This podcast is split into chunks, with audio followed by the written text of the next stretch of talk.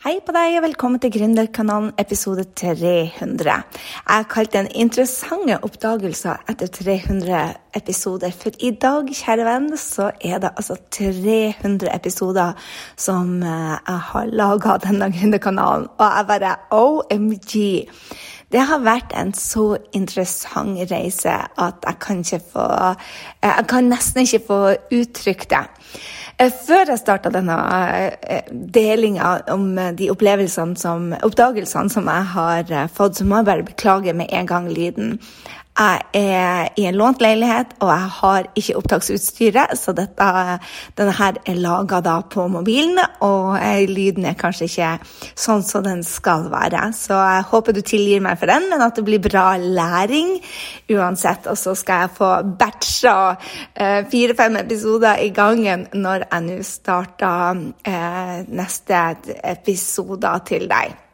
Så denne, denne Jeg laga en lang kladd her til deg, men jeg har virkelig gått i dypet og tenkt bare OK, hva er det jeg har lært? Og jeg kom fram til at det var mikste læringer gjennom privatlivet og businessen og podkasten, og ikke, ikke, minst det at businessen er egentlig eh, livet mitt. Så, så, det har gjort en del interessante oppdagelser som jeg hadde lyst til å, å dele med deg.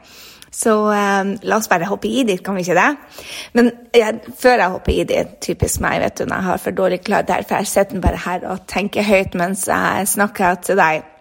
Uh, jeg vil gjerne, gjerne, gjerne, gjerne at uh, hvis du ikke har lagt igjen en rating på iTunes, at du gjør det nå. Hvis du er her for første gang, eller om du er her for 300 gangen, eh, ta så og hopp over til iTunes og legg igjen en rating på denne episoden eh, som en 300-episode-gave til meg. Da blir jeg så glad, for da får vi komme høyere opp på listene, og det som skjer da, det er det at flere finner oss. Så tusen, tusen takk for hjelpa. Og eh, for deg som har rata denne gangen, så vil jeg at du skal screenshotte den ratinga screenshot den når du har lagt den. Så sender du den til meg på e-mail, gry at gry sin ting, og så skriver du gave. Og dere som rater meg denne gangen, jeg legger dere oppi en sånn eske eh, eh, når det er gått eh, to episoder til. Så du har altså et par uker på deg til å Så legger jeg dere oppi i en, en hatt, og så trekker jeg en vinner. Og den vinneren skal få en overraskelse av meg. Og da mener jeg en stor overraskelse. Eh, vi tar og spenderer en av dere til Oslobyen. Eh, jeg blir ikke å lage middag til deg, men jeg blir å ta deg med på byen. Så for en av dere som Uansett hvor du bor henne å, det, gjelder for dere som bor i Norge. Sorry, sorry. Så blir du altså flydd til Oslo, eller du, du møter meg i Camilla Colles vei. Eh, og så går vi ut og spiser middag eh, på meg, og kanskje blir et glass champagne eller to for dere sjøl liker det. Men da kan vi sitte og snakke business osv. Så, videre. så det du trenger å gjøre, screenshotte ratinga di, eh, sende det på bildet til meg, og så skriver du 'gave'. Og så skal jeg dele på eh, Instagram hvem er den heldige vinneren. Og det gjør jeg på selveste bursdagen min, som er den 17. november. Så hvis du skal være med i denne trekninga, så gå inn og rate oss på iTunes. Send oss det. Eh, og jeg trenger at du faktisk sender meg det innen den 14. 14., 14., 14. november. ok? Nå har jeg satt datoen. 14. november. Og så trekker vi vinneren eh, på selveste bursdagen min, som er da den 17. november. Er det kult, eller? Jeg håper du syns det er kult. Ok, La meg gå inn i de interessante oppdagelsene som jeg har hatt eh, etter jeg begynte å eh, lage podkasten. Den første oppdagelsen jeg gjorde da jeg starta podkasten, var det at outsourcing er lurt først når du kan systemet. Jeg tok en shortcut, så jeg leide et firma til å hjelpe meg å få den opp. Eh, men jeg skjønner det veldig godt å outsource for tidlig på salgssystemet. F.eks. jeg har kunder som outsourcer kommentering eller sosiale medier eller sender e-mail eller ja, Hvis du ikke har gjort det før selv, og du setter noen eksperter på det, som er en, en en så god idé, og ikke bare idé, det er en så god strategi, og jeg er all for den.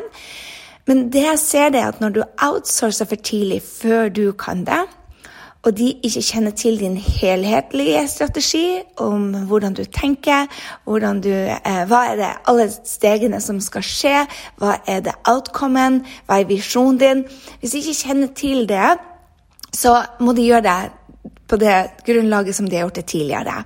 Men de har jo en, et annet mål enn deg, en annen visjon, en annen oppfattelse om hva som er riktig.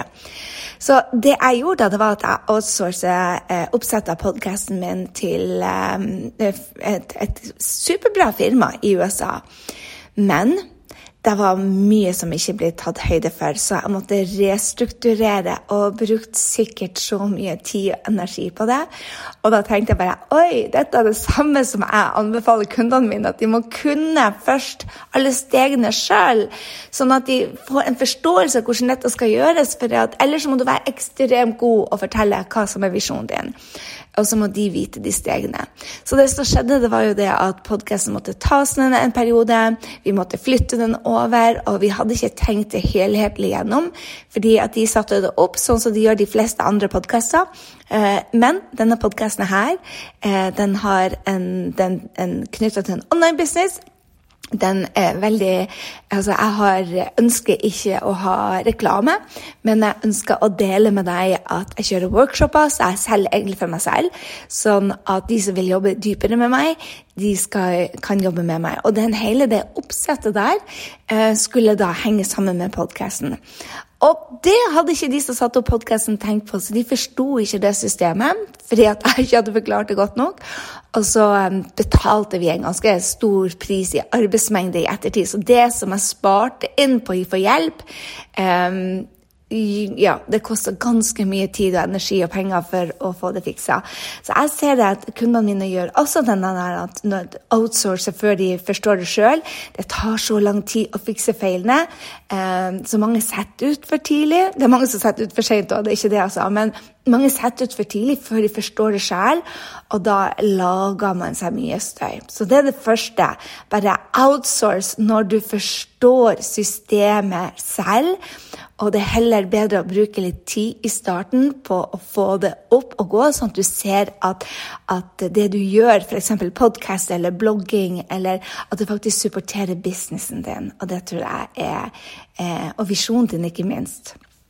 Det andre jeg har eh, funnet ut eh, av interessante oppdagelser, det er at jeg trodde vel på et tidspunkt om at skulle, ting skulle bli roligere. og jeg trodde vel på også på et tidspunkt at når jeg har en to do-liste, så skulle jeg kunne bli ferdig med den.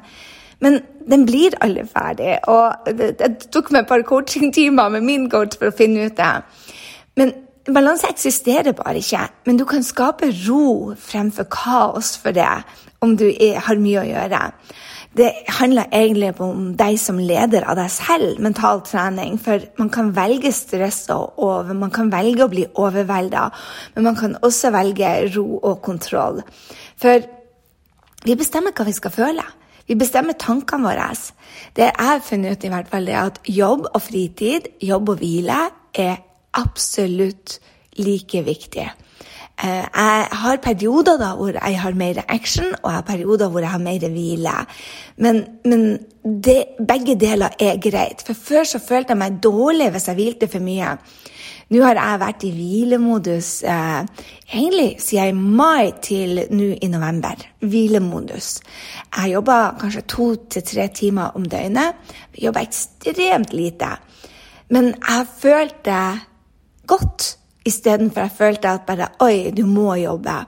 For balanse eksisterer ikke. Det er perioder, f.eks. nå i november, som jeg går inn i, hvor jeg skal ha live, jeg skal ha opptak av mastermind, jeg skal ha uh, de som har vært med et år, skal ut av mastermind. Vi holder på å ansette, det er masse ting som skjer, og masse spennende som skjer, som jeg skal dele med deg. Men balanse eksisterer ikke. Men du kan skape ro fremfor kaos med å velge hva du tar innover deg, og velge hva du skal gjøre. For vi er ikke hjernekirurger, i hvert fall ikke vi som driver med online business. Og der er ingenting som egentlig haster. Vi er kontroll. Og det å vite at han er i kontroll, er bare superdeilig. Og det er det jeg sier til meg selv hver eneste dag, det er at du bestemmer hvordan du skal ha det i dag. Velg, velg, velg med omhu hvordan du skal føle det. Og det bringer meg over til den kanskje viktigste oppdagelsen jeg har gjort siden jeg var født, egentlig. Og den har egentlig fått satt seg dypere og dypere hos meg. Jeg har du vet når du hører en ting tusen ganger, du forstår det, du tror du forstår det, men så finnes det så mange De snakker om denne onion you can peel og har så mange dybder. Det er jo sånn med absolutt alt av mental trening. Du går jo dypere. Men en av de tingene som jeg går dypere på, er at perspektiv er ikke sannheter. Perspektiv er subjektivt. Og noen f.eks. blir å elske denne episoden, og andre blir å hate den. Og noen sitter og irriterer seg for at lyden er dårligere, eller noen syns lyden er bedre. Og noen vil altså Der var noen episoder om ayahuasca som jeg ga ut i eh, august. September. September ble det vel. August-september.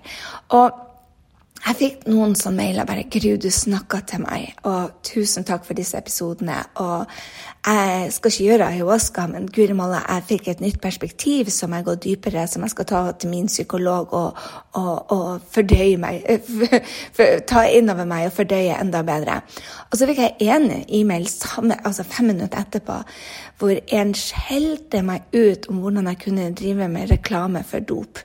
Og det er jo bare noen perspektiv. Og det er, noen elsker episoder, andre hater den.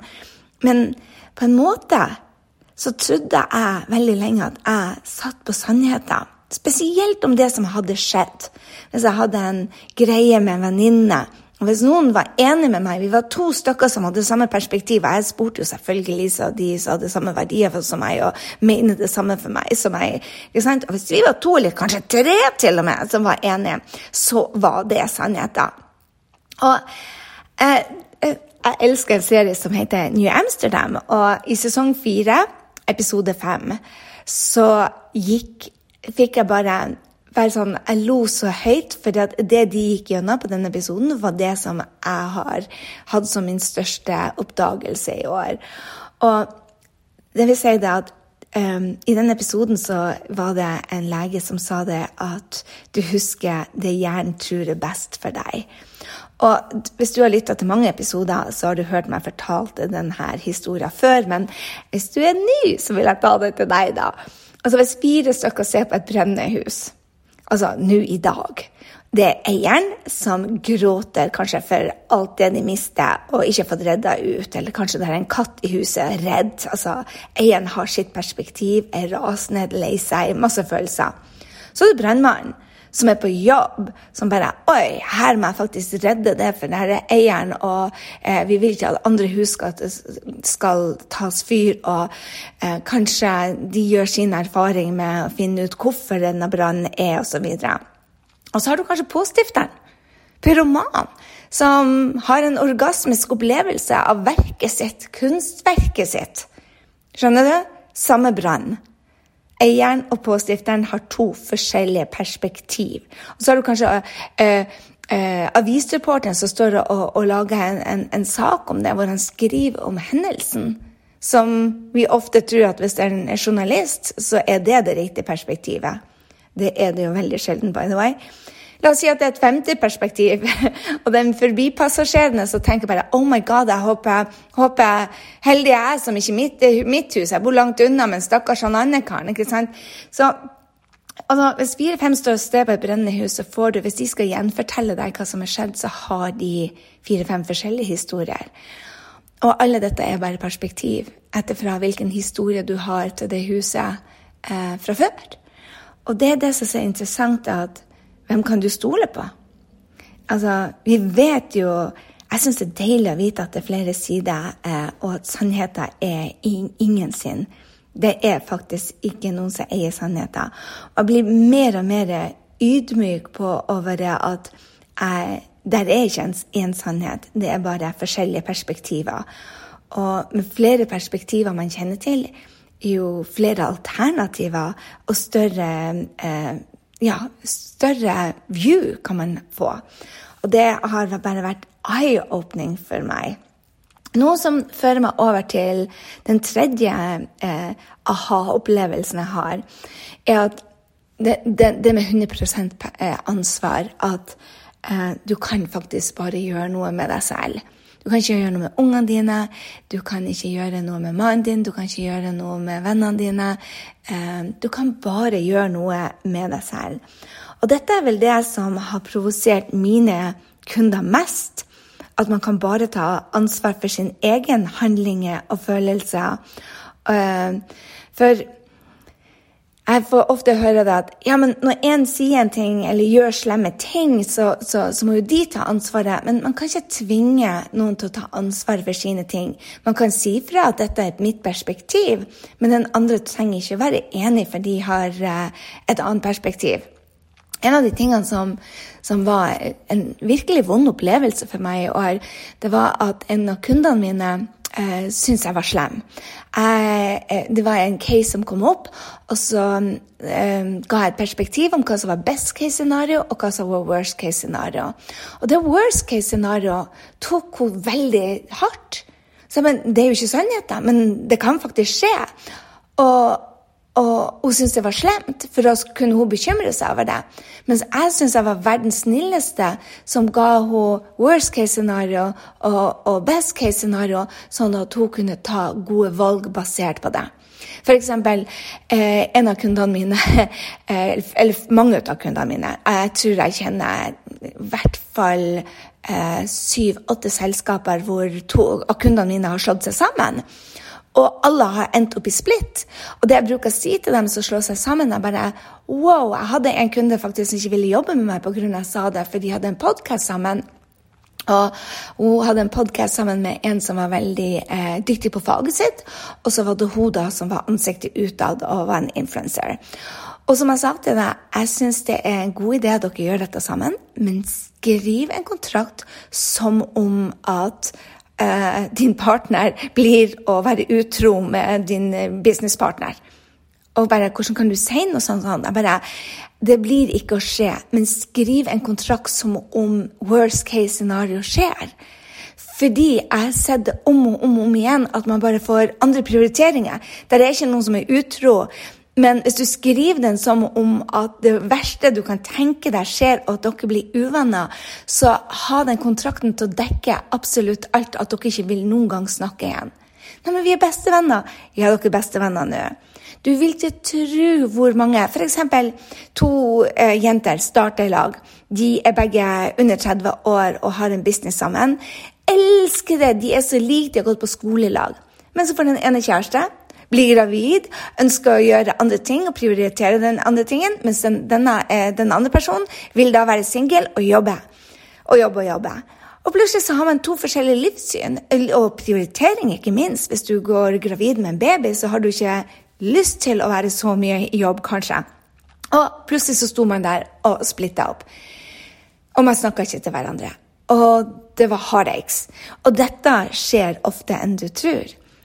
Men det, my point her er det at det er ikke noe riktig og galt her. Det er bare det at man kan kun gjøre noe med seg selv og ta ansvaret for sin egne holdning. Men det hjernen gjør, det egoet vil gjøre, er å gjøre den andre feil. Og det er riktig. Og det har jeg gjort så mange ganger. Spesielt i forholdet til barna mine og til Henrik. Og det er supersårt å tenke på at jeg trodde virkelig at det var, og ikke minst foreldre og søstera mi, um, at jeg har jeg blama dem for mye av det som har skjedd.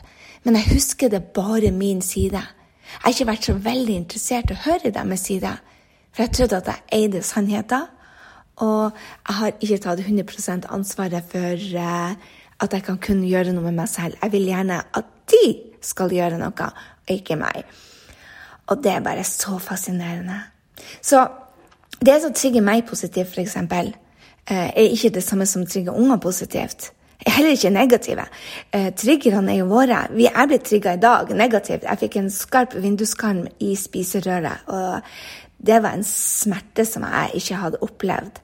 Så eh, altså var det en som sa til meg bare 'Slapp av, det der gjorde ikke så vondt.' Og så vidt han traff deg. Oh my god. Jeg bare starta å hylgaule. Både av smerte, men også mangel på å bli sett. Og utforstå kunne ikke forstå det. Men det handler om en historie om at oi, nå ble hun Gry skada, og herregud, det skjer hun nå hver eneste gang. Og jeg følte meg ikke sett. Og det kom opp jeg vet ikke hvor mange år med, med, med episoder hvor jeg ble ignorert, for ulykkene skjedde alltid meg. Og denne her utenforstående skjønte jo ingenting. Jeg ble trigga negativt pga. historien min. Og så begynte jeg å le. Og så måtte jeg selvfølgelig be om unnskyldning. Men det som trigger deg, kan være en pytt-pytt for andre. Historien tar du med deg. Tankene du gjør om saken, det er det som avgjør det. Og det tenker jeg om er det aller, aller meste. Og så må du ikke tro det at jeg er noe bedre enn andre der, og, og, og ikke bli såra av det andre sier eller gjør. Men når jeg får tenkt meg om og pusta og meditert og tatt breathwork, ikke minst, så kommer jeg alltid over til at ha, her er jeg blitt trigga på noe som ligger i fortida, og noen opplevelser som jeg ikke vil ha igjen. Og istedenfor å ta tak i triggeren min, så blir jeg heller forbanna på andre eller føler meg såra av andre og skyver de bort. Istedenfor å gå til psykologen og snakke med henne om det. Å, guri malla, livet mitt ser helt annerledes ut etter jeg fikk den. Ok, Jeg skal ta en, en veldig enkel ting som, eh, som har vært utrolig eh, forløsende for meg. Så, eh, som jeg har oppdaga nå i løpet av disse 100 episodene. Mindre jobbing, mer inntjening. 300 episoder tok det meg nesten for å finne ut det. I hvert fall, i hvert fall 250. Du, eh, jeg har jobba mindre dette året enn jeg noensinne har gjort. Og vi har omsetningsrekord også i år. Eh, I hvert fall ligger vi langt foran budsjettet. Eh, jeg må bare si jeg gjorde mange ting som jeg trodde jeg måtte gjøre mens nå når jeg har begynt med batchjobbing og fokus på én ting en hel dag, f.eks. bare e-mailskriving, eller bare eh, Facebook reels, eller bare Facebook-annonser, eh, eller bare Altså, batchjobbing betyr at du gjør den samme tingen i, i mange ganger. Eh, og f.eks. det å lage sosiale medieposter, det setter jeg tre dager til, og så er alle laga. Men, men det gjør at jeg jobber mye mye mindre fordi at det går mye fortere. Men jeg også blir veldig god til å se på og spørre et spørsmål. Hvilke 20% av jobben gir 80% av resultatet? Gjør mer ut av det, og kutt ut de andre 80 som ikke gir så veldig mye resultat. Holy smoke, sier jeg bare. Det var da podkasten min fikk en viktigere brikke, for jeg gjorde veldig mye. Men podkasten er viktig for eh, connection min til drømmekundene mine. Sosiale medier er òg en bit ut av det. Men det var veldig mye jeg gjorde i businessen min som jeg ikke trengte å gjøre. Og det har vært utrolig fascinerende. Hvordan jeg kunne f.eks. bruke over en time på e-mail, eller time brukte jeg over en time på e-mail hver dag er så fascinerende. Jeg skal ha en trening på scaleup nå første tirsdagen uh, i måneden som, som jeg deler systemet mitt, eh, som vi har implementert de, de siste årene og blir bare bedre og bedre på. Hvor vi, ja, for alle e-mailer vi får, så bruker vi vel 20 minutter om dagen. Eh, og vi er et firma som omsetter for over 15 millioner, så, så, så vær klar over det at, at det, det og batchjobbing gjør én ting i gangen. Men det er også å ha, ha, ha tydelige, eh, tydelige, prosesser på ting. Og, og, det Ja, jeg må bare si det. Mindre jobbing, batchjobbing, og kutt ut det som faktisk ikke gir eh, direkte resultater eh, for meg eller drømmekunden. That's it. Ok, Den siste tingen jeg vil dele med deg, er 90-dagersplan. Du er kanskje lei av å høre om 90-dagersplanen, men Eh, I en sånn online business det, det, du skaper resultatene for kundene, er jo eh, business as usual. Der, eh, der bruker jeg eh, Ja, hva skal jeg si? Jo, jeg skulle si det at 90-dagersplanen min der er noen ting som skal gjøres igjen og igjen og igjen. Eksempel eh, når jeg jobber med kundene mine, så vet jeg at det er eh, mastermind-dager, jeg vet at det er coachinger, og jeg vet at jeg har eh, scale-up-treff. Det, der er ikke veldig mange ting hvor jeg går inn, og så jeg, går jeg inn i gruppa og svarer spørsmål to ganger i uka i tillegg. Så der er ikke veldig mye for meg å, å gjøre annet enn å svare spørsmål fra kundene mine. Så etter det så er det Online-businessen eh, handler egentlig om markedsføring og salg. Det er det viktigste vi gjør. Og det er bare noen få ting som skal gjøres, og de få tingene skal gjøres hver eneste måned. Og det er derfor jeg sier at en 90-dagersplan så vet du om du har en business du kan leve ut av, hvis du gjør den riktige. Men det jeg ser, det er at folk gjør så utrolig mye unødig. Hvis du har fokus på salg og markedsføring og lærer deg det, og så forbedre produktet ditt og forbedre produktet ditt, akkurat sånn som Steve Jobs gjorde. Den Mac-en jeg sitter foran med meg, det er ikke den som hun Gøril kjøpte i 1990, tror jeg det var. Det var den første Macintoshen jeg så. Eh, Venninna mi hun Gøril hun kjøpte en sånn, og den var jo bare hvit og deilig.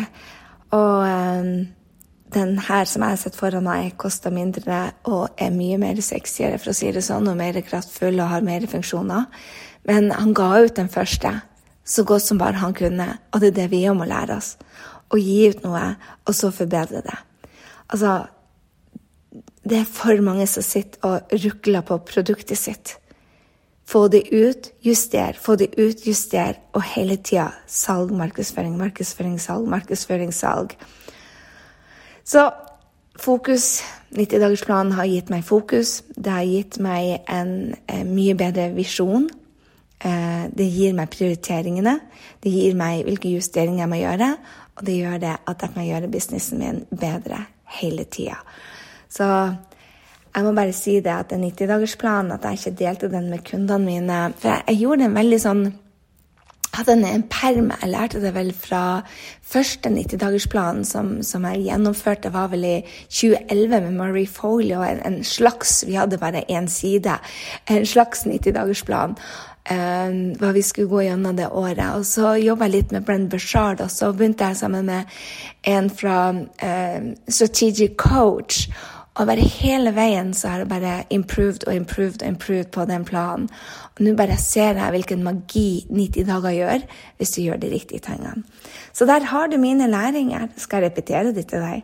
Outsource først, da, når systemet Du kan systemet. For tidlig blir veldig mye ekstrajobb. Balanse eksisterer ikke, og du bestemmer om du skal være i stress eller om du skal følge ro. Perspektiv er bare ditt perspektiv, subjektive. Jo flere du har, jo bedre alternativer har du til å finne løsninger. Du kan kun gjøre noe med deg sjøl, ta 100 ansvar. Eh, noen elsker noen av podkastene mine, andre hater det. ikke sant? Man kan kun gjøre noe med seg selv og det man tenker. Mindre jobbing har vist seg å være mye, mye, mye mer lønnsomt. Og 90-dagersplan, den fungerer når du jobber etter et sånt intervaller. Det er så inspirerende. Eh, så jeg anbefaler deg det på det varmeste. Det var det jeg hadde til deg i denne episoden. Jeg håper du tilgir meg for lyden. Aner ikke om det blir bedre eller verre, for å være helt ærlig, men jeg håper du digger den. Eh, og hvis du vil være den som blir eh, tatt til Oslo som eh, går ut og spiser middag med meg og feirer 300 episoder og kan pick my brain hvis du vil, så legg igjen en review på podkasten. Eh, screenshot den, send den til oss. Du må screenshotte før du trykker publish, faktisk. Det burde jeg kanskje ha sagt til deg, for av og til så tar det to-tre dager før den går igjennom. Så screenshot den rett før du sender den inn, og så tar du og eh, sender den på gry at grysynding.com. Husk at jeg har kom. Gry at grysynding.com. Skriv podkastgave, og så legger vi alle dere i en hatt og trekker den som da får eh, reisen en eller annen plass i Norge og til Oslo. Og så skal vi gå ut på byen og feire 300 episoder. Ok, dere, før jeg slipper deg, en, gang, en ting til. Hvis du vil lære mer om hvordan du faktisk kan uh, om du, hvordan du kan bruke sosiale medier, og spesielt Instagram, for å bygge deg en business på 90 dager, så kan du hive deg på workshopen vi skal. grysending.no slash webinar. Grysynding.no slash webinar. Der har vi en workshop nå som er gullegod. Jeg snakker ikke bare om 90-dagene, jeg snakker om hvordan du skal bruke Instagram veldig systematisk og enkelt, sånn at du får uh, kunder med det. Mange driver og bare poster, poster, poster, bruker masse timer på det. Nei, du kan bruke batchjobber der òg. Eh, jeg skal vise deg hvor mange timer du trenger å bruke, og hvor ofte. Du, du kommer til å bli så overraska over hvor ofte du faktisk må poste, men hvor lite tid det tar eh, hvis du gjør det på riktig måte. Så hiv deg med. Det var det jeg hadde til deg. Ha en strålende, strålende uke, og så håper jeg du tar deg tid til å, selv om du ikke vil spise middag med meg, til å legge igjen en review. Eh, det er veldig veldig hyggelig å få det. Og hvis du har lagt inn den allerede, så kanskje du trenger å oppdatere den. Ok, Stor klem. Hei så lenge.